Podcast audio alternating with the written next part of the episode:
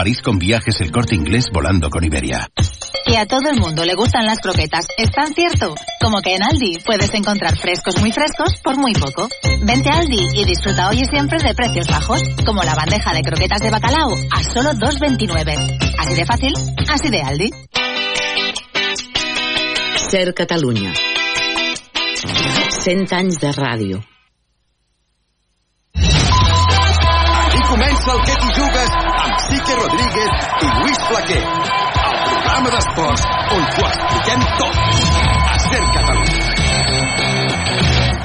El Barça es, por segunda vez en su historia, campeón de la Champions femenina.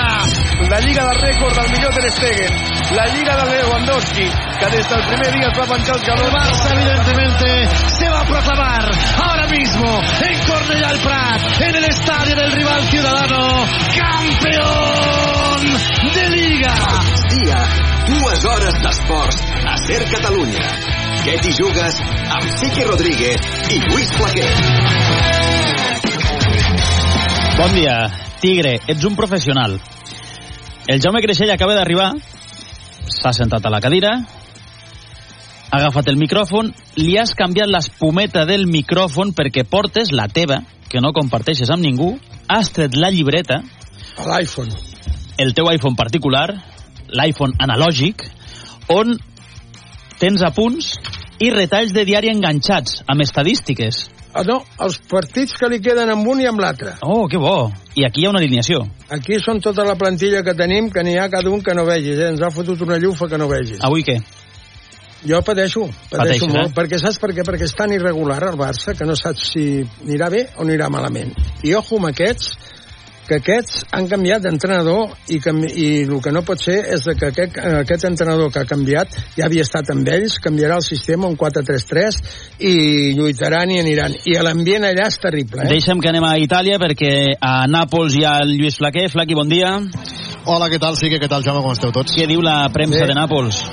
Doncs la premsa de Nàpols, evidentment, avui eh, molt protagonisme pel partit i molt protagonisme per Calzona, per aquest nou entrenador, que tot just va ser presentat ahir aprofitant la roda de premsa prèvia al partit.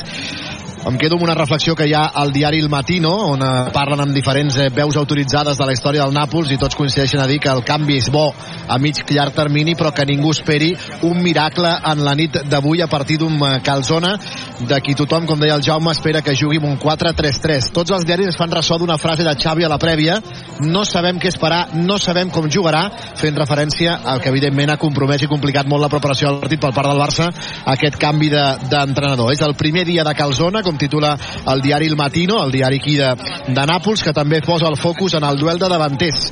Aquest Osimhen contra Lewandowski, el duel entre dos gegants del gol.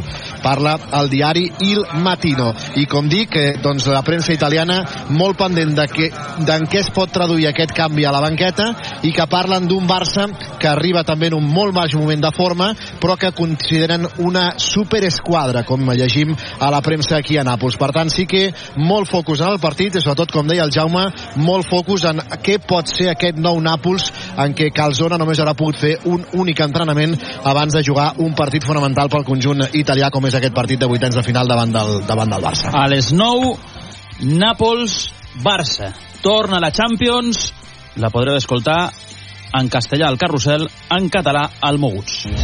nosaltres doncs, suposa l'escenari il·lusió, esperança, eh, motivació per poder passar a quarts de final. Crec que és la, la competició més gran que existeix en, en els clubs, per tant, eh, bé, escenari ideal per, per fer un gran partit, per fer una gran eliminatòria, per mostrar tot allò que hem treballat. Estem davant del, del vigent campió de l'Escudetto, per tant, és un gran rival. Demà a les 9 doncs, hem de demostrar que, que som millor que el Nàpols i d'aquí doncs, unes setmanes també a casa, per tant és moment de, de parlar al camp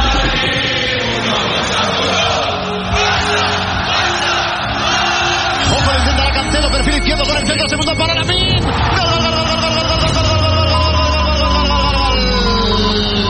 Gol, de gol del Barça, gol, de la joya de la Masía, eh. Este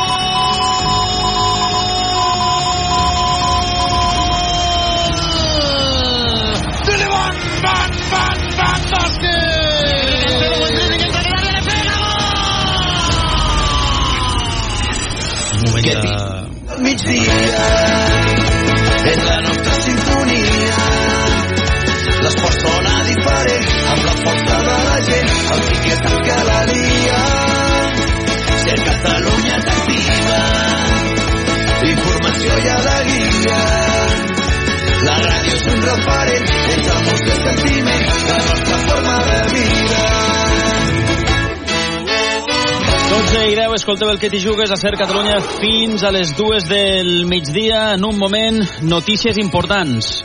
Una, demà sabrem si es condemna i quan li cau de presó a Dani Alves. Això d'una banda, demà es notifica, això d'una banda, i de l'altra, ara ho ampliem, Thomas Tuchel no continuarà al Bayern de Múnich la propera temporada. Abans, a Itàlia hem escoltat el Lluís Flaquer, també hi ha l'Adri Alberts. Hola, Adri, bon dia. Sí que, què tal? Bon dia. La prèvia d'aquest partit, Santi Ovalle, com estàs? Bon dia. Ve marcada per les declaracions de Frenkie de Jong, molt emprenyat per les informacions que apunten al seu futur, el salari que cobra i la situació al Barça. Només entrar a la roda de premsa d'ahir, a la sala de premsa, primera pregunta sobre el seu futur i respon això. La verdad es que últimamente me estoy irritando un poco, estoy un poco cabreado incluso con lo que escribe vosotros, uh, la prensa en general, que salen muchas cosas que no son verdad. Es que no lo puedo entender tampoco, que algunos de vosotros van, van diciendo cosas que no son verdad, que son mentira y que no os da como un poco de vergüenza decirlo. Me está irritando un poco. Què molesta exactament a Frenkie de Jong? Són diverses coses. La primera, els números públics dels quals es parla del seu salari i de, del seu sou. Es que la verdad, por ejemplo, estáis hablando mucho de mi contrato, de mi situación, que salario y tal, y también es mucho humo, mucho mentira.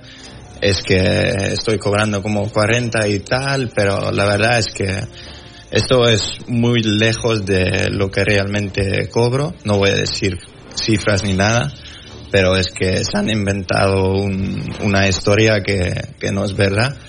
De Jong cobra aquesta temporada, aquesta temporada, 27 milions. Bruts. Bruts. Tot eh, sempre parlo de bruts.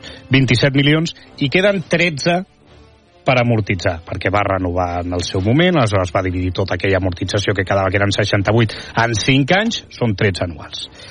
Per tant, són 40 quilos de cost de plantilla. És el que li costa al Barça, no El vol que dir que sigui el que cobra ell. Correcte. Què passa? Que nosaltres això ho sabem i quan parlem de cost de plantilla parlem d'això perquè és el que li costa al club per tant és el que val però quan un usuari o quan un futbolista veu constantment lo que le cuesta al club son 40 millones lo que le cuesta al club son 40 millones queda la idea de que De Jong cobra 40 quilos i això no és cert cobra 27 aquest any, l'any que ve cobrarà 22 Però, però pel que dius tampoc és cert que la premsa hagi dit que cobra 40 milions. Completament. O sigui, no és llavors- cert. Bueno, però ell té aquesta sensació i per això surt a parlar. Perquè és una de les coses que el molesta. Que quedi a l'ambient que ell cobra 40 quilos quan no els cobra. De fet, la temporada vinent cobrarà la meitat de 40. Cobrarà una mica més de 20, però no... De fet, ahir el Lluís Canot al programa 11 eh, va desglossar el seu contracte per temporades i si feies la mitjana de totes les temporades, perquè és veritat que ara el salari de De Jong és alt, però com vas explicar, perquè fa uns anys es va diferir Mhm. el pagament i va arribar a cobrar una temporada 900.000 euros, si fas la divisió et surt a 16 milions d'euros bruts per temporada. Sí. Això és el que va dir el Lluís Canut ahir al programa 11. que ara la, el sou mitjà de la classe mitja de la plantilla, ara, amb l'entrada a la porta, són 12.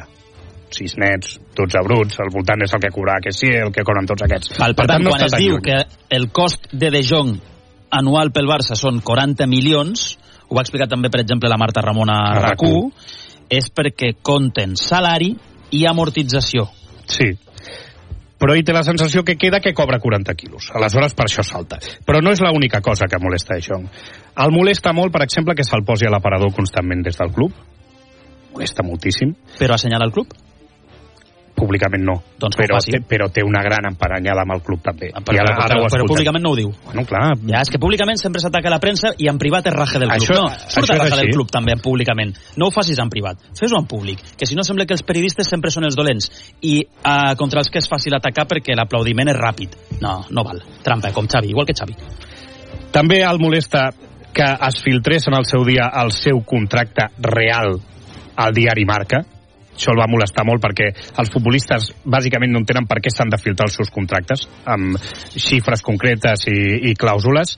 Eh, el va eh, molestar molt que mm, diguessin que el seu contracte tenia indicis d'il·legalitat per pressionar-lo. Per això ho va dir gent de dintre del club. Sí, però, a veure, que De Jong està emprenyat. Ahir raja la premsa, però que De Jong està emprenyat amb el club. Això és així, està emprenyat amb els que... No amb el club, amb els que manen al club. I el va molestar. Però llavors no val això, eh? Bueno, espera't, un... acabo i ara en debatim. Tot, tot això ho estàs explicant perquè has parlat, entenc, amb gent Bueno, de l'entorn sí, de perquè, de ho, Jong. sé- perquè ho sé. I el, molesta, el va molestar moltíssim, moltíssim, que es fes un off the record o una trobada informativa per pressionar-lo per sortir. Això el va molestar Però això moltíssim. va passar fa dos anys. Fa dos anys. Fa dos anys. Fa dos anys. I a l'endemà, a l'endemà, eh, va sortir la porta a dir que Frenkie de Jong no estava en venda i poc menys que la premsa s'inventava les coses. És que, perquè estava de vacances jo aquell dia que... Bueno, dit això, De Jong està emprenyat amb la gent que mana al club i es pot entreveure en aquesta resposta que també va fer ahir a sala de premsa Frenkie de Jong quan li pregunta a vostè diu que no sap si ve del club però després li pregunten per com de content està el club. I diu això. Yo considero el club como mis compañeros, los jugadores de día a día, el vestuario, la gente con, con que yo trabajo, el staff y todo eso. Y esto es de maravilla, es de, es de 10, es que, es que lo estoy disfrutando mucho. De Jong no té relació amb els que manen al club i ho ha deixat eh, més eh, clar més d'una vegada eh, està en un procés de renovació perquè si li, ofereix, li fessin una bona oferta li agradaria renovar eh, però el molesta molt que l'empenyin a un club per exemple on no vol anar que és el Manchester United en el seu dia va molestar moltíssim perquè diu a veure, jo si marxo al Barça que no vull marxar me'n vaig a guanyar la Champions ja no me'n vaig a un equip que no juga a la Champions i això també es va muntar una, un, ell considera, eh? Es va muntar una campanya tremenda perquè acceptés l'oferta I del per a que la gent ho tingui clar, si Frenkie de Jong hagués acceptat marxar al Manchester United, el Barça l'hauria traspassat al Manchester United. Sí. Si no va marxar al United és perquè de Jong es va voler quedar al Barça. Si hagués acceptat marxar, Frenkie de Jong hauria estat traspassat perquè era el que volia el club en aquell moment al Manchester United. I dit això, ahir li van preguntar, però tu... I, i l'altra cosa que el va molestar molt és que sortís una informació pública on es deia que ell obria la porta a marxar al Barça. Perquè, com va deixar ell clar ahir, ell no vol marxar al Barça. Estoy muy, muy feliz en el Barça, siempre lo he dicho, es que es el club de mis sueños.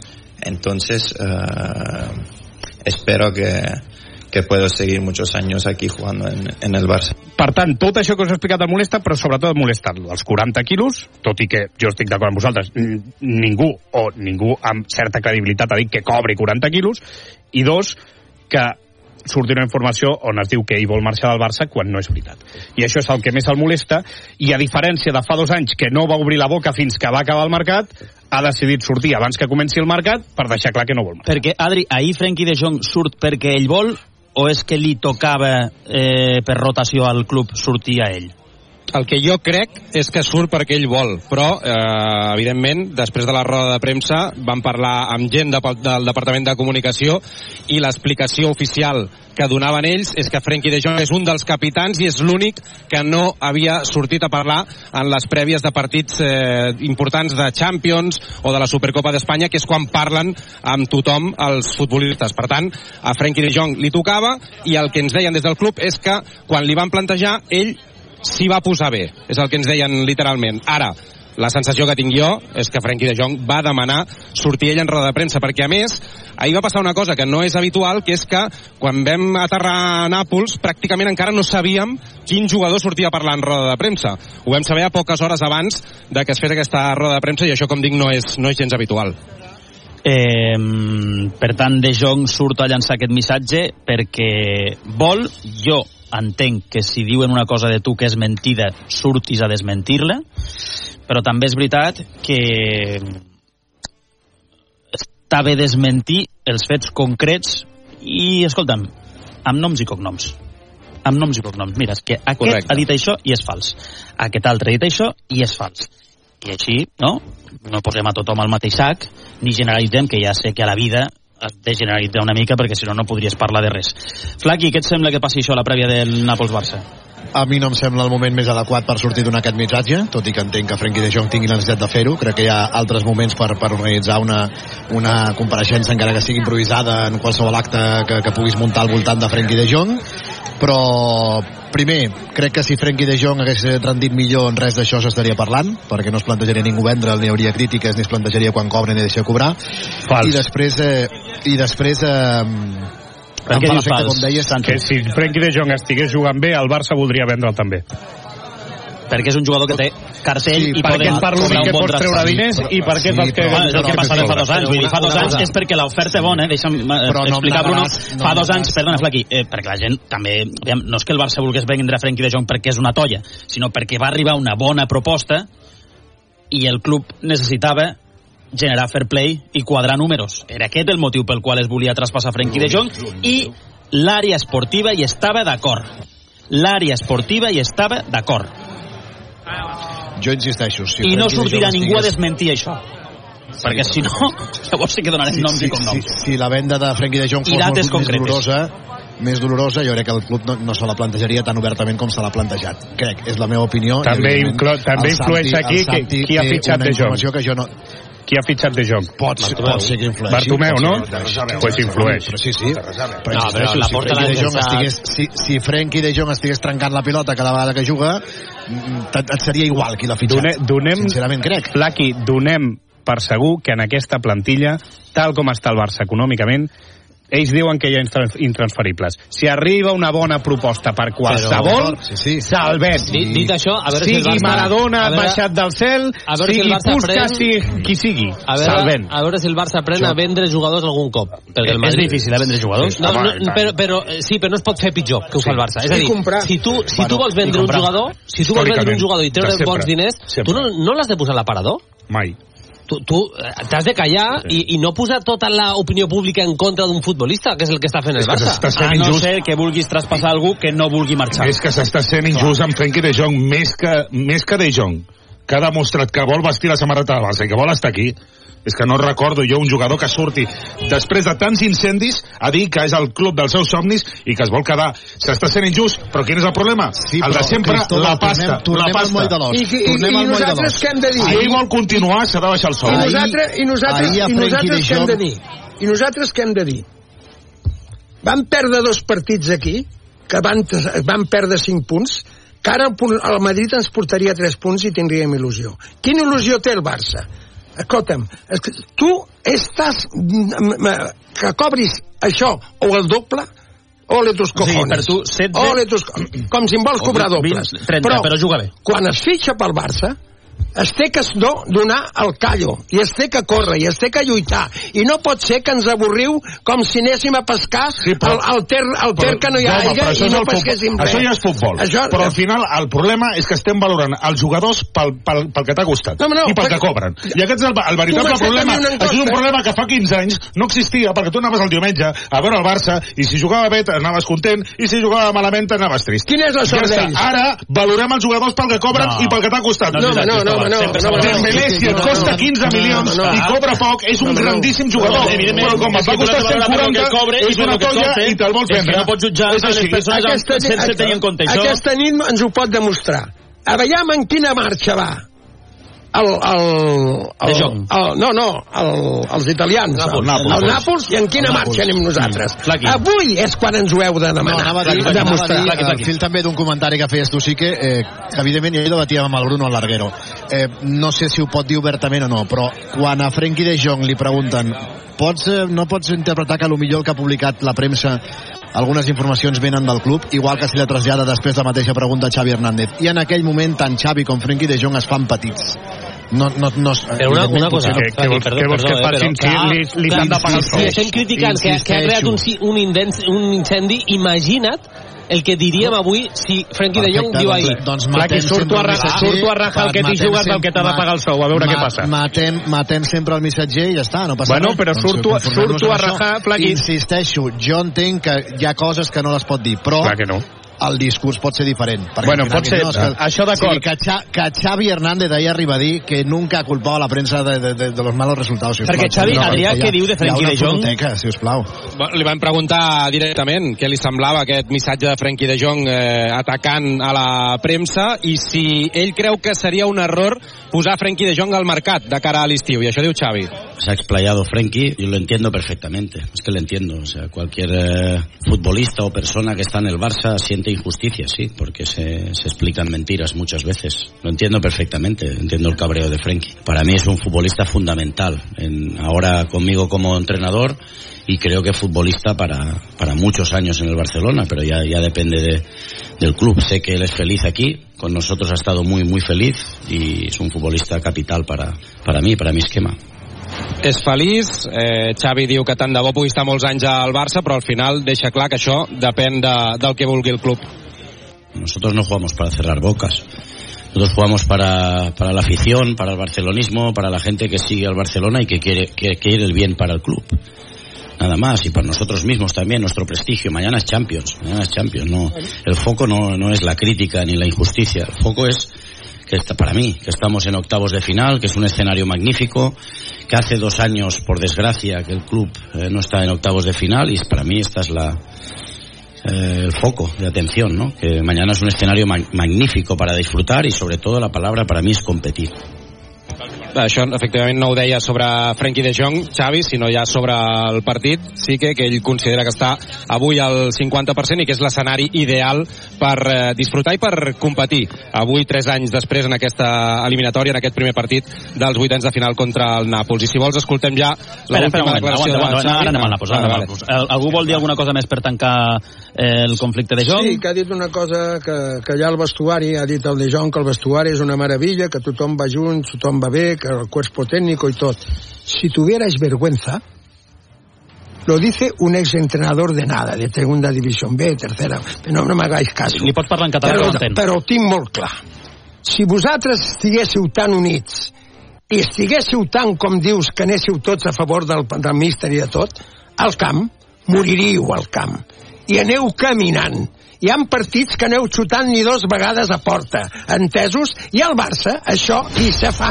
Vosaltres us ha salvat que no juguéssim al Camp Nou, amb 80 o 90.000 persones, perquè hagués quedat el camp blanc, entesos? De mocadors. Eh? De mocadors. Perquè el Barça s'ha de... No, es pot guanyar, empatar o perdre, però sempre es té que igualar la, la intensitat. I se't dic una cosa molt clara. Aquesta tarda, si no igualeu la intensitat del contrari, us fotran un bròquil. Vale. Entesos? I si no, Vinga, apunta tu. Molt, molt ràpid sobre De Jong. Si el venen per 60 milions, però una oferta de 60 milions, queden 27,2 per amortitzar. Són 33 quilos de benefici net. El Barça està en la regla de l'1-2, perquè ahir vam conèixer el límit. Després parlarem d'això del fair play. Per tant, et queden 33 milions eh, d'euros de benefici net, el 20% són 6 milions. 6 milions del traspàs és el que pots invertir. 23 milions d'euros de salari entre dos, la regla del 50% són No, jo 11. m'he perdut, perdut. 11 més 6, 17. Dels 60 de traspàs, el Barça podrà invertir 17 en sou, no, en sou... Ja, però pensa que la gent ens està escoltant mentre fa el dinar, va buscar els nens al col·le, condueix i tal, i ja ens han marejat. Fa, Facilitem-ho. Si el Barça accepta una oferta de 60 milions per De Jong, podrà invertir 17 milions en un traspàs de La futbolista. matemàtica està ben feta, Sí, segur? sí. Val. Un traspàs de futbolista Espera, i el apunta els salari. números i després que el Soldevila té tema fair play, Sí. perquè ha parlat amb gent per saber els motius pels quals la xifra del límit salarial és tan baixa i com es pot revertir, això d'una banda. De l'altra, parlem molt del límit salarial del Barça i poc de la massa salarial real.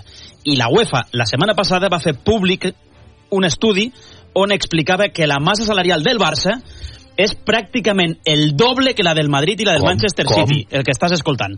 Pràcticament el doble que la del Madrid i el City. I això alguns han d'explicar per què. El Soldevila d'aquí un moment intenta aclarir aquest dubte. Però abans, entra el Soldevila ara mateix. Adri, què tal? Bon dia.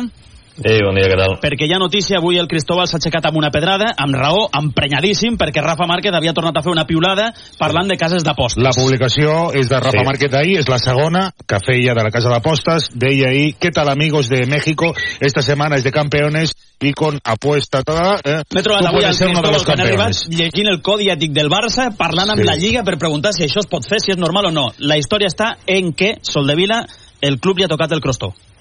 Sí, tal qual. Eh, el Departament de Compliance ha actuat, eh, li, ha, li ha dit que per normativa que això no ho podia fer, li ha demanat que retiri les publicacions i que deixi de fer-les. Les has borrat ja, Cristóbal? Ha esborrat publicacions, sí. La del dia 12 no, la d'ahir està esborrada ara mateix. Doncs sí, ha retirat la publicació d'ahir, eh, ens expliquen això, que és un tema normatiu, que ho ha entès, que no hi ha cap problema i que tema tancat. O sigui, Compliance ha intervingut i ha fet esborrar algunes publicacions a Rafa Márquez que ho ha entès i les ha esborrat.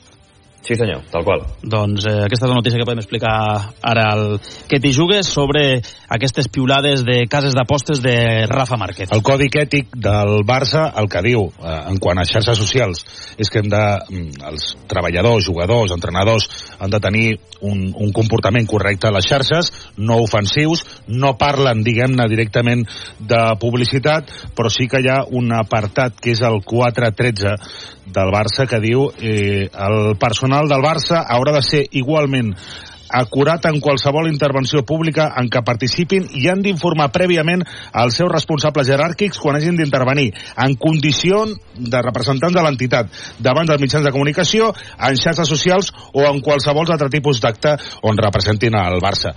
La pregunta és, Rafa Márquez a les seves xarxes personals representa el Barça? En tot cas, sembla que sí, perquè Compliance ha intervingut i Rafa Márquez ha retirat la, la publicació. Però ahir la publicació, per cert, tenia milers, milers de comentaris de socis del Barça que li deien de tot a Márquez. Uh, Adrià, d'aquí a una estona parlem del fair play.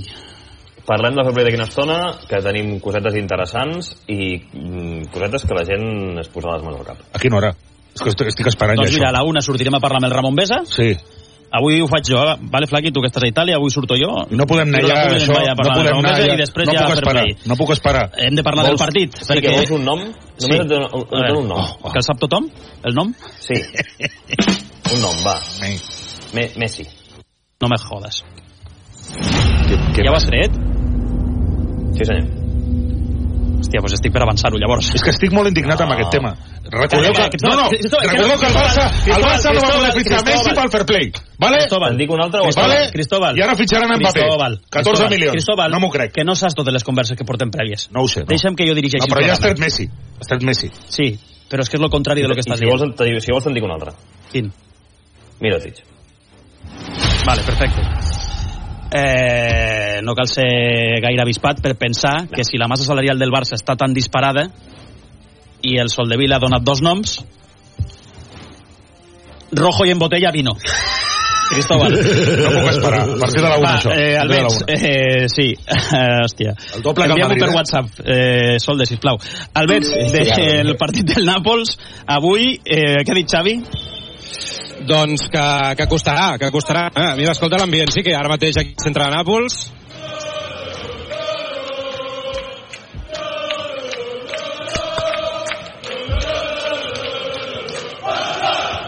Estem a Quartieri Spagnoli, que és aquí on hi ha aquest museu a l'aire lliure de Diego Armando Maradona, amb eh, centenars de samarretes del Pelusa, imatges de Maradona a les parets de, de les cases, i l'ambient és xulo, eh? En la prèvia d'aquest eh, partit, amb molts culers, hi havia Enric Massip també per aquí, Boyan, gent del club, gent de l'estaf, passejant per aquesta zona tan emblemàtica de Nàpols, i el que et deia Xavi, ahir, doncs això, reconeixia que, que costarà perquè el Nàpols, al final, encara que estigui malament, és el vigent campió d'Itàlia, té tres davanters sobretot molt perillosos, que són Quarazgelia, Osimhen i Politano, i a més admetia que, clar, amb el canvi d'entrenador, havent agafat l'equip Francesco Calzona, encara que només hagi fet un entrenament, doncs eh, el Barça no ha sabut ben bé com preparar aquest partit.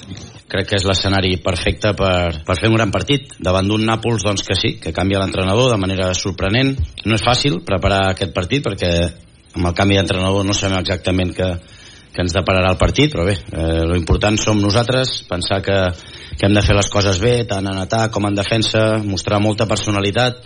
Estem davant del, del vigent campió de l'Escudeto per tant és un gran rival tant a nivell eh, col·lectiu com individual, sobretot destacaria els, els tres davanters que tenen, no? Tant tant qui, doncs, Osimhen, Kvaratskhelia i Politano. I Politano. Politano. Exactament, els tres que hem dit abans. I de cara a l'11 del Barça sí que jo crec que hi haurà pocs canvis. Eh, màxim dos, mm, almenys un. Jo crec que entrarà segur Gondogan per Vitor Roque i tinc la sensació que entrarà Íñigo Martínez. El dubte és si per Pau Covarsí o per Condé. Mm, depèn de si Xavi decideix avui posar Araujo al lateral dret per intentar atrapar a Kvaratskhelia o manté a Condé, que no està gaire bé en aquesta posició. Puc fer una pregunta no esportiva a l'Adrià? I tant. Adrià, eh, el Barça va dir fa un temps, en el marc de retallar Ah, aquesta és l'altra pedrada d'avui, del Cristóbal. Eh, a veure? Que el Barça pagava el desplaçament de quatre directius. És correcte? Eh, no sé si de 4, però... A part dels de l'àrea reduït de esportiva, eh? A part de l'àrea esportiva, quatre directius, sí? Sí, àrea esportiva a part, sí, sí. És cert el que, el que es diu que, que van arribar dos autocars d'amics i familiars de la junta directiva? Sí, no sabem qui ho paga perquè el club no ho aclareix, però ahir sí vam veure arribar dos autocars plens amb familiars, hi havia també eh, treballadors del club, patrocinadors, vam trobar gent dels principals patrocinadors que té el Barça i la gran majoria de directius. Per tant, dos autobusos eh, plens de gent que, que també ha, volgut venir a Nàpols. En teoria s'ho paguen ells, no? És el primer En teoria, desplaçament sí. Champions d'aquesta directiva, no? Amb vuitens de Amb final, vuitens sí. de final, Sí, clar, sí, normal vuitens que vulgui anar-hi tothom. Val. Eh. Espera, espera, espera, que és que si parleu tots de cop no s'entén. Què, dius, què dius, Flaqui? Anava a dir la... Uf, ara s'ha tallat. S'ha tallat, Flaqui. Espera, em sentiu a mi? Sí. sí. Vale. Per Digo què per aquí, t'escoltem a tu i al Flaqui no? Digo, perquè és que aquí sí que les comunicacions en aquesta ciutat són eh, absolutament desastroses però desastroses no, no, no, no he vist ciutat pitjor per tenir comunicacions tant amb el telèfon com amb el Quantum que és el- l'aparell que, que portem espera que vaig a buscar el Ja Flaqui estem rajant de Nàpols, ja estem rajant de Nàpols. Vale, No, em diu no. l'Helena que hi ha el TG per fer Calzona i Mirko Caleme. Per tant, anem avançant, que hi ha molts continguts al programa. Doncs ràpid, va, pim, pam, que la ràdio és or. No, anava a dir que la Porta, Juste, Fort, Juli Guiu, Cubells, Barbany, Miquel Camps, Joan Soler i Joan Soler. O sigui, més directius que jugadors? És un 11, no? Et surt... Sí. a- Qui jugaria de lateral dret? Con la meitat, home. Camp, Fes l'alineació, Flaqui. Aquí poses de porter. D'aquí no pot jugar ningú per Frenkie. Juli Guiu extrem. Juli Guiu extrem. Sí. Sí. Enganxat a... Just, A la- Juste, a la banda. Juste, A la banda, tot a la i estar el mateix aquí, hi ha un marcatge individual a la porta. És que es talla, és igual, es talla, Flaqui, és que es talla, es talla. Cubells eh... repartidor. El migcampista, no? Joan Tejedor, què tal, com estàs? Va, Cristóbal, tio, deixa'm fer el programa. Ai, ¿Tenim el, el teje o no? Sí, però no, no va. Però és igual. vale. Mirko Calene, ¿qué tal? Muy buenas. Ara peta tota la comunicació del que t'hi jugues. M'estàs està, vacilant o què? està dient l'Adrià, que les comunicacions són nefastes. Potser el problema és aquí. Hola, Mirko. Mirko, Hola, ¿qué tal? Buenas tardes. ¿Qué tal, Mirko? Oye, que nos tomamos eh, la previa con humor porque al final es lo que hay que hacer. que en la vida hay que reírse. Ya. Eh, al Nápoles, Pero ¿cómo lo ves? Si hay, una previa, si hay una previa que hay que tomarse con humor, es esta. Es la previa más divertida de la historia de la Champions, yo creo. ¿eh? Dos días así. O sea, estábamos en Nápoles comentando lo surrealista que ha sido todo y llega De Jong y se suma a la fiesta. Digo, bueno, esto que es el partido más loco de la historia. Sí, estamos muy divertidos y, y bueno, sí, eso de Calzona sí que dio un poco de, de ilusión más. ¿eh? Teje, què és el que va dir eh, Calzona? Mira, si la roda de premsa hagués sigut en català, què tal bon dia a tots, pensava que estaria davant de la roda de premsa de Xavi de fa dos anys, aquí a Nàpols, eh? De que agafa l'equip novè, de que l'objectiu a curt termini és l'any que ve jugar a Lliga de Campions, de que té tres mesos per donar una identitat futbolística a l'equip, que ha d'alliberar els jugadors perquè gaudeixin, que gairebé no ha vist el Barça, que una mica com a aficionat sí, però que clar, fins diumenge no va saber que jugaria contra el Barça l'ha analitzat poc, però que no poden tenir por perquè són al Nàpols, que amb un entrenament poca cosa pot, pot fer, avui els ha tornat a, a reunir per fer una mica de, de sessió tàctica i que intentaran eh, aconseguir un bon resultat i començar a donar bona imatge perquè no signa l'empat. Un allenatore può cambiare poco, eh, però noi no- non abbiamo tempo. Dobbiamo... Un entrenador pot canviar poca cosa. No hem tingut temps i hem d'accelerar el procés d'aprenentatge. Per això, als jugadors els hem dit que no hi ha excusa i que hem de millorar la situació actual. El Barça és un equip molt bo, ara passa, és cert, per un moment difícil, però segueix sent dels millors d'Europa. No tenim por perquè nosaltres som el Nàpols, però ningú pot negar que ells tenen grandíssims jugadors i un entrenador top. e hanno un top eh, allenatore. També et diré que va dir que el Nàpols necessita fets, molts fets i poques paraules, i els fets són que a mi ahir Calzona, que no em va transmetre aquella convicció de que avui poden sortir menjant-se el Barça. Eh? Diu que no està espantat pel repte, però a mi em va donar la sensació que s'ho mira amb, amb distància per això, perquè l'ha enganxat una mica amb el peu canviat, que gràcies a Hamsik per haver-lo deixat venir i que no descarten el futur poder-lo incorporar, que tant curt termini no ha pogut eh, ser, però que potser l'incorpora el, el cos tècnic. I Di Lorenzo, uh -huh. no val la pena que et faci perdre 30 segons en escoltar-lo, perquè va fer el típic discurs de que la culpa és dels jugadors, de que han de donar el màxim, que actitud no n'ha faltat, que s'han de disculpar amb l'anterior tècnic, etc etc etc. Mirko, al Nápoles, ¿cómo lo ves? Hola, Mirko. Pues, sí, estoy, estoy, estoy. Vale, vale. No, no. No, no, decía que, a ver, eh, no puede cambiar mucho Calzona en un día, obviamente, pero este es un, un considerar que Calzona ha trabajado ya con 10 de los 11 titulares de esta noche, porque Calzona estaba en el banquillo en el choque de Champions, por eso le pregunté justo ayer en la de prensa lo mismo, y dijo que Barça ha cambiado poco. Decía que estaba en el choque de Europa League de hace dos años. Calzona ha trabajado con Sarri y con Spalletti. Es una apuesta inteligente, porque va a hacer, Manzarri era un entrenador que ya no tenía el fútbol de este equipo, y en cambio Calzona sí lo tiene. Entonces, va, no creo que en un día pueda cambiar mucho, pero ha tenido dos días, bueno, ayer y hoy más táctico, de trabajo táctico, puede dar ideas y el empujón anímico que te cambia un entrenador que además el grupo conoce y aprecia, pues algo te puede dar, claro. Es un momento negro para el Nápoles, pero el cambio sí que creo que puede dar alguna pequeña mejora. Mirko, te leemos en el as. Un abrazo. Abrazo fuerte. Flaqui, Adri, Teje, si hi ha dinar de directives i parla algú o us trobeu algun protagonista interessant ara pels carrers de Nàpols, demaneu pas el que t'hi jugués. Nàpols és un poble gran, com diuen aquí, per tant, eh, esperem que sí, que puguem eh, demanar-te pas d'aquí una estona amb alguna veu. Creixell, avui vols veure joves? Prefereixes veterans? Jo no ho sé, qui, bueno, joves els, els vull veure sempre. Cubarsí la menja mal titulars? Però mm, el diamant, això té... El diamant, és veritat, que tu li dius així. El diamant té em que sembla brillant aquest hasta per anar a cobrar. renom de Lamin. El primer, per Diamant. anar, el primer per anar a cobrar. Escolta'm una cosa perquè s'ho mereix. El que sí està claríssim de que aquest entrenador han fet una cosa molt important, aquesta gent, eh?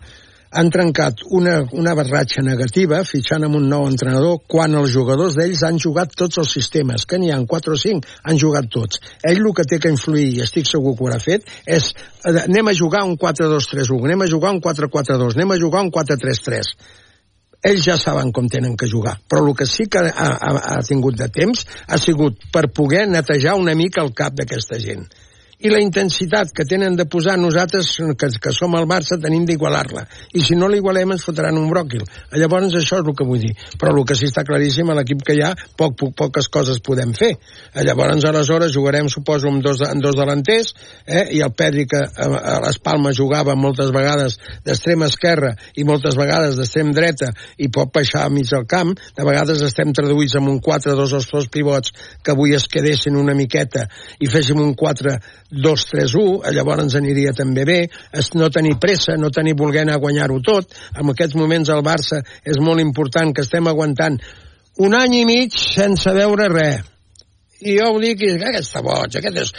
A mi no m'expliqueu de, de, de quadrados i de cúbiques i de triànguls i totes aquestes coses, eh? perquè jo amb els meus jugadors, quan volia entrar per dins o per fora, com dieu vosaltres, li deia, si puja al lateral, a l'extrem va cap al mig perquè li, obrir-li camí, lo fàcil. Tot això ha canviat molt, nois. I llavors l'únic que hi ha que no ha canviat és el que no posi il·lusió no posi el cor al camp, no corri, no lluita. I a més a més, vosaltres que teniu, que vosaltres teniu molta qualitat, no podem solucionar res. Portem 1.777 dies que no veiem una Champions, unes semifinals. Entesos de papers? He rigut molt avui quan a l'Instagram amb que- els oients, Núria, hi havia qui li preguntava al Tigre pel Big Data i els expected goals. Ha estat un espectacle, perquè ha agafat la pissarra al creixell, sí que ha fet una masterclass, fins i tot quan t'ha fet no sé quants guixons a la pissarra ha dit que allò no servia per res. Eh? No, no, no, no, és el cor, el cor que val. A la perquè tots han jugat. Va, Ho Tigre, hem poden recuperar, sí que. Qui jugues presenta l'actualitat del dia. Com us deia abans, l'Audiència de Barcelona ha citat Dani Alves per demà a les 10 del matí per comunicar-li la sentència del judici per presumptament violar una jove a la discoteca Sutton al desembre del 2022. Pol Valero. Alves serà traslladat en un furgó policial des del centre penitenciari de Brians, on està en presó provisional des de fa més d'un any. Recordem que el futbolista s'enfronta a una pena de fins a 12 anys de presó que demana l'acusació particular, mentre que la Fiscalia n'hi demana 9. Totes les parts estan convocades demà per conèixer la decisió del tribunal. En el judici celebrat fa dues setmanes, la víctima va ratificar el seu relat dient que Alves la va forçar a tenir relacions sexuals, mentre que el jugador, que abans del judici havia canviat fins a quatre vegades de versió, va defensar que les relacions havien estat consentides i va alegar que aquella nit havia begut molt. Això ja és oficial. Thomas Tuchel marxarà del Bayern de Múnich a final de temporada. Doncs sí, l'equip alemany ha confirmat que el tècnic fa un Xavi i marxarà a final de temporada per la crisi de resultats de l'equip. Tenia contracte fins al 2025. El Bayern podria intentar, veurem, la contractació de Xavi Alonso. Bruno, què et sembla aquesta notícia? Esperada. Jo crec que ningú podia apostar amb la temporada que està fent el Bayern de Múnich per la continuïtat de Tuchel, tot i que tenia un any més de, de contracte i crec que tothom donava per fet que amb l'any que estan fent marxaria. I Xavi Alonso, creus que serà el seu substitut al Bayern de Múnich? Si hagués d'apostar, apostaria per Liverpool. Que Xavi Alonso anirà al Liverpool. Que Xavi Alonso anirà al Liverpool. Ja aquesta propera temporada. Sí, però em diuen, mm, el que expliquen és que Xavi Alonso vol estar eh, net mentalment fins a final de temporada. És a dir, fins que no acabi la temporada no decidirà res. Per tant, qui el vulgui haurà d'esperar fins al juny. I Thomas Tuchel podria acabar al Barça? Si el Barça té diners per pagar-lo, sí. Qui és el seu representant? Tuchel sap castellà. Oficial... Parla castellà, Tuchel? Parla castellà. Parla castellà? Parla, parla. castellà. Interessant. Oficial és un senyor que es diu Olaf Menking. Olaf? Menking? Sí. Olaf Però Menking. el Bayern el va portar Piniza Javi. Piniza Javi va portar a Thomas Tuchel Eh, al Bayern de Múnich. va ajudar, va ajudar, sí. És un entrenador que a la porta sempre li ha agradat i ha anunciat que queda lliure a final de temporada. Per tant, l'haurem de tenir en compte en aquesta llista de substituts de Xavi Hernández. D'altra banda, ja l'hem esmentat diverses vegades. Finalista amb el PSG a la Champions, l'únic entrenador que ha portat el PSG a la final de la Champions i campió d'Europa amb el Chelsea. El Barça, l'equip que més diners guanya amb la venda de samarretes a tota Europa. Sí, supera el Real Madrid, Liverpool, PSG i Bayern, entre altres. Els blaugranes passen del cinquè al primer lloc amb unes ganàncies de 179 milions, 24 més que el Real Madrid. BLM, que són les botigues del Barça, que la directiva té autorització dels socis per vendre BLM i no ho fa, no ho fa perquè és la joia de la corona. Funciona, pel que ens diuen, molt bé. BLM, que són les botigues del Barça.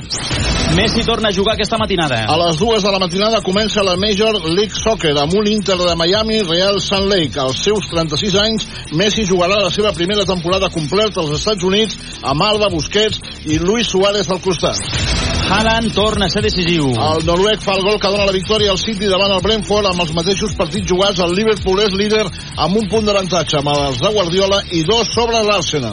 I en poliesportiu? Atenció perquè primeres declaracions de Ricky Rubio des de la concentració de la selecció a Saragossa. Són declaracions a la Federació Espanyola. Muy bien, increíble. La verdad es que se echaba de menos. La, el ambiente que hay es, es espectacular y además pues vienen jóvenes con mucho talento y, y con ganas también de, de enseñar un poco todo. Y bueno, que espectacular. Con nervios, casi como un rookie más otra vez, pero la verdad es que me hacía mucha ilusión volver a la selección, fue donde lo dejé y así que creo que es un punto y seguido después de, de esta experiencia y, y bueno, aquí en Zaragoza hemos jugado ya unas cuantas veces y siempre ha sido una afición pues entregada a la selección y, y se respira mucho baloncesto ¿no? también en esta ciudad, así que bueno, es, es un sitio idóneo para, para volver. La verdad es que no me he sentido solo en ningún momento y ha sido un apoyo muy grande, tanto la selección como en, en Cleveland en su momento y en el baloncesto, el mundo del baloncesto en general. Y eso me ha ayudado muchísimo también a, a un momento tan duro. Comença la temporada de Fórmula 1 amb els tres de Bahrein, dos espanyols a la graella, Fernando Alonso, que vol tornar a guanyar, i Carlos Sainz a la seva última temporada a Ferrari, després del fitxatge de Hamilton per l'escuderia italiana. Sessió d'aquest matí, primer Verstappen, segon Leclerc, tercer Alonso. En tennis, Carlos Alcaraz es retira del torneig de Rio com a conseqüència d'una lesió en el partit contra Thiago Monteiro. S'ha torçat del turmell dret i no ha pogut continuar. Avui li faran proves, però sembla que la lesió no és greu. I en futbol sala, cruel eliminació del Barça a la Copa del Rei, derrota 4-3 a la pista del Penyisco. Les blaugranes guanyaven, atenció, 2-3 a 33 segons del final i van rebre el gol decisiu a 3 dècimes de l'acabament del partit. Però què és el que t'ha cridat l'atenció a tu avui, Xavi? Doncs mira, a les maratons sí que hi ha quatre classes de corredors. Els que surten a guanyar, els que surten a fer marca, els que surten només a córrer i els que corren fent coses diferents. Bueno, l'israelià Moshe Leferien és d'aquesta última. Corre, atenció, amb una pinya al cap per començar de la importància del menjar fruita i respectar la natura. És un excombatent de la guerra del Yom Kippur, conflicte que li va deixar seqüeles que el van portar a córrer. La Deifer té una cadència molt alta tenint en compte que ha de mantenir l'equilibri de la pinya. Ha estat en maratons de tot el món i a la última Sevilla ha fet un temps de 3.21.48 amb la pinya al cap.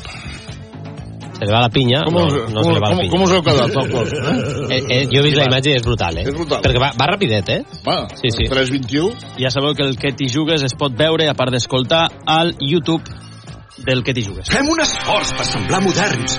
Segueix-nos al nostre Insta, TikTok, YouTube... Estava pensant, Núria, volem, que eh? és evident que el que t'hi jugues es pot veure al YouTube del que t'hi jugues.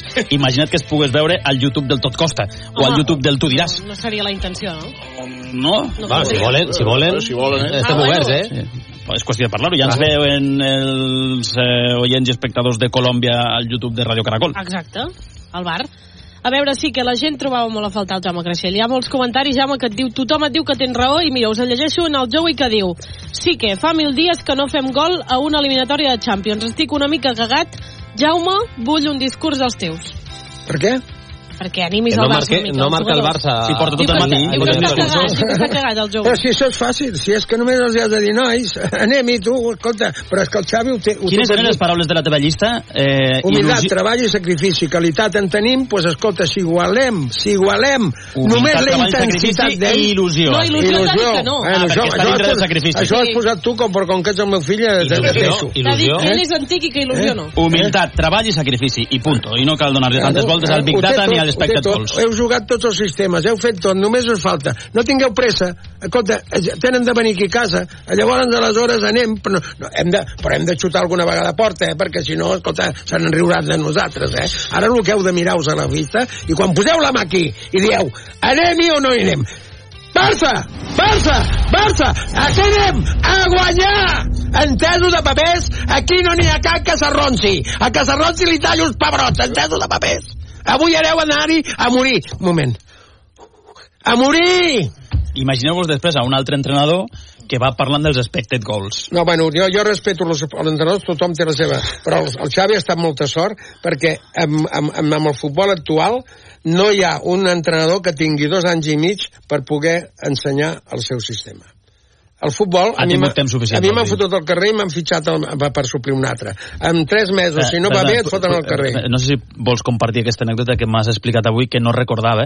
Va baixar un dia Ah, sí, això- el president d'un club Don Blas Muñoz. a dir-te alguna Al cosa al carrer del vestidor fondo, al carrer del fondo... amb el seu guardaespatlles. amb el guardaespatlles. Baixava I cada passar, partit, cada baixat el don, don Blas, que está en el cielo usted porque era muy buena persona, ¿eh?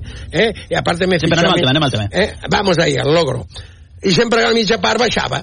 Cago en l'hòstia. I jo, clar, obria la porta amb el guardaespatlles, fotia allà, amb les mans a darrere, i explica, escoltar... A intimidar, a intimidar, no? A, a, a, no, escoltar Eh, el que controlar, jo deia. controlar, escoltar el que controlar. deia. I què va Com que anàvem guanyant, anàvem guanyant, que vam pujar aquell any, anàvem guanyant, no, no deia, deia, me cago en l'hòstia que li dic a aquest home. I un dia estàvem amb, el, amb, amb, amb la rivalitat, estàvem empatats 0-0 i ens van cardar un gol 0-1 a casa i jo baixava amb una mala llet de collons i agafo, tanco la porta del camp del carrer del fondo, que les, les, les portes eren de fusta, us ho juro això, eh? i trec el cap i veig Don Blas Muñoz amb les mans a darrere i el guardaespaldes que venen. I quan arriba allà fa pam, pam, Truca.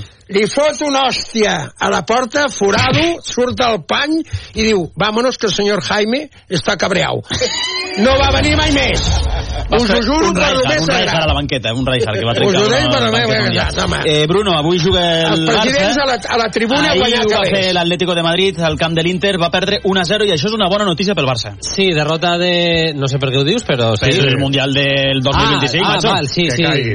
Uf, d'aquí a que el Barça jo crec que té altres problemes abans. Però No, ja, ja, però- tota la raó, perdona, és veritat, perdona, no, no, havia és que llegit. amb aquesta Champions Sí, sí. el Barça s'està jugant anar al Mundial de Clubs del 2025. No t'havia pillat, Per sí tenir que- opcions, l'Atlético ha de perdre i quedar eliminat com més aviat millor. Correcte, i, i de fet perdre el partit és eh, el que li dona 0 punts ara mateix eh, de marge a l'Atlético de, de Madrid, per tant tens tota la raó.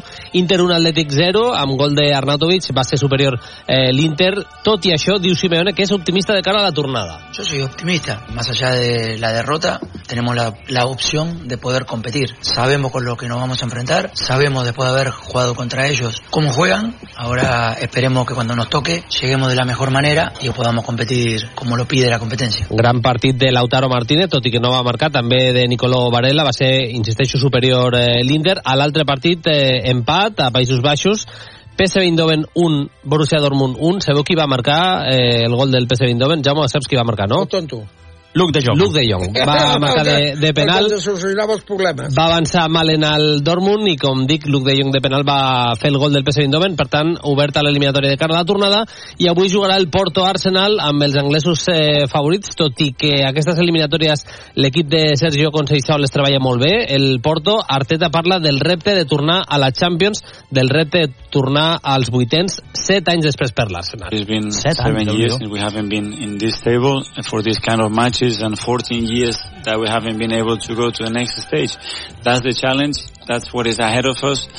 And, um, and we are very excited to face it and, and to go for it uh, with full belief. That's for sure. jugava eh, Arteta de titular al mig del camp de l'Arsenal l'última vegada que el club Gunner eh, va, va estar als vuitens de la Champions. Que bèstia. Arteta, migcampista titular l'última vegada que l'Arsenal Sí, va sí. jugar als vuitens de final de la Champions. Es va retirar, es va treure el carnet d'entrenador, va ser segon al, al Manchester City, va decidir marxar al, a l'Arsenal amb aquesta oferta i, i sí, sí, ara mateix entrenant i sent el tècnic dels vuitens. Gràcies, Bruno. Fins ara. Pausa, butlletí informatiu i obrim la segona hora passejant amb el Ramon Besa.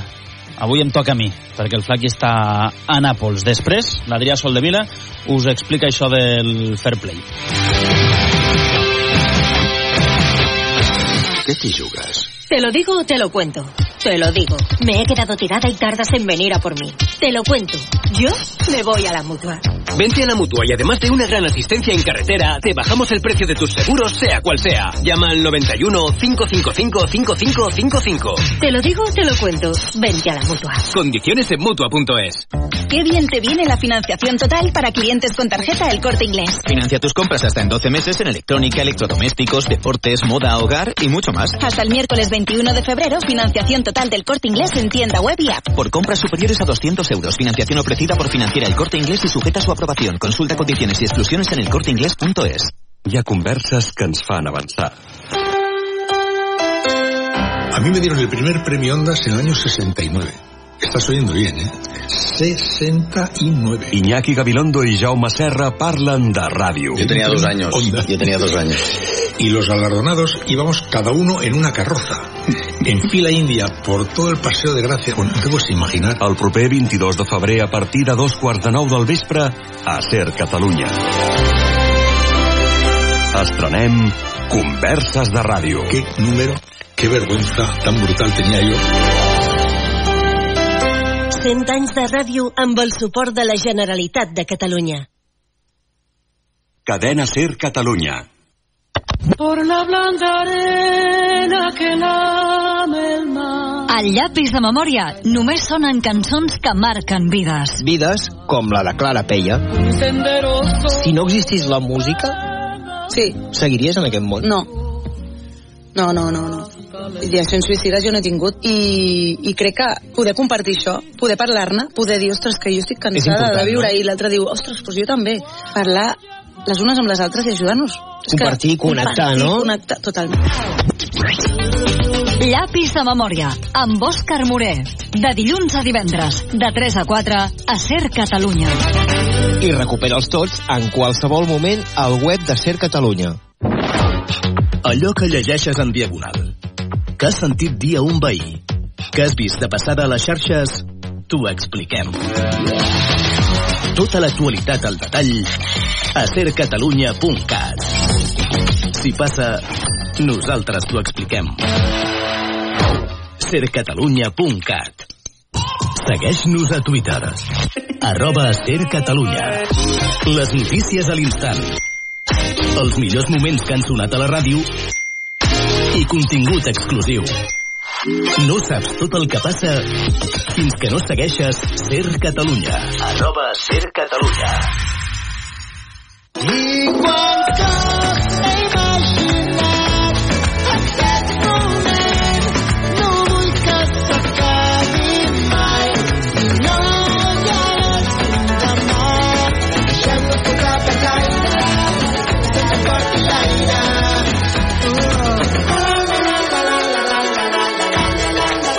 Ser Catalunya. La força de la conversa. Es la una, las 12 en Canarias.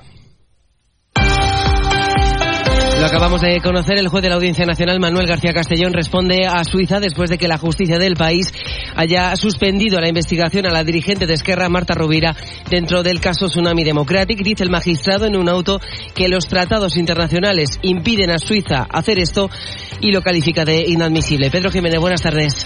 ¿Qué tal? Buenas tardes. Manuel García Castellón responde en términos muy duros a Suiza que declinó el auxilio judicial que le pidió el juez de la Audiencia Nacional para localizar a Marta Rovira, la que investiga por terrorismo en el marco del caso Tsunami. Añade que es llamativa e inadmisible que el país helvético le pida explicaciones sobre una hipotética ley de amnistía. García Castellón recuerda que en el Reino de España, así como en las democracias de la Unión Europea, la función de los jueces es juzgar y hacer ejecutar lo juzgado. Y añade que el Poder Judicial es un poder separado e independiente del Legislativo y del Ejecutivo y que, por tanto, no es función de los jueces ni elaborar leyes ni participar en su redacción, como tampoco lo es del legislador o del Ejecutivo inmiscuirse en la función jurisdiccional. El juez de la Audiencia Nacional reprocha a Suiza que lleve desde noviembre esperando a poder reunirse con las autoridades de aquel país en el marco de Eurojust. Noticia también de los últimos minutos. Ha sido detenido el asesor del exministro y diputado del PSOE, José Luis Ábalos, por cobrar comisiones ilegales en la compra de mascarillas en los peores meses de la pandemia. Coldo García ha sido arrestado por la UCO. Javier Bañuelos. ¿Qué tal? Buenas tardes. Sí, forma parte de una macrooperación en la que se han realizado 26 registros domiciliarios en varias provincias de España, entre ellas Madrid, Murcia y Alicante. La Guardia Civil ha detenido a 20 personas, entre ellas este antiguo asesor, mano derecha del exministro y diputado José Luis Ábalos. Coldo García Izaguirre está ahora mismo siendo interrogado por agentes de la UCO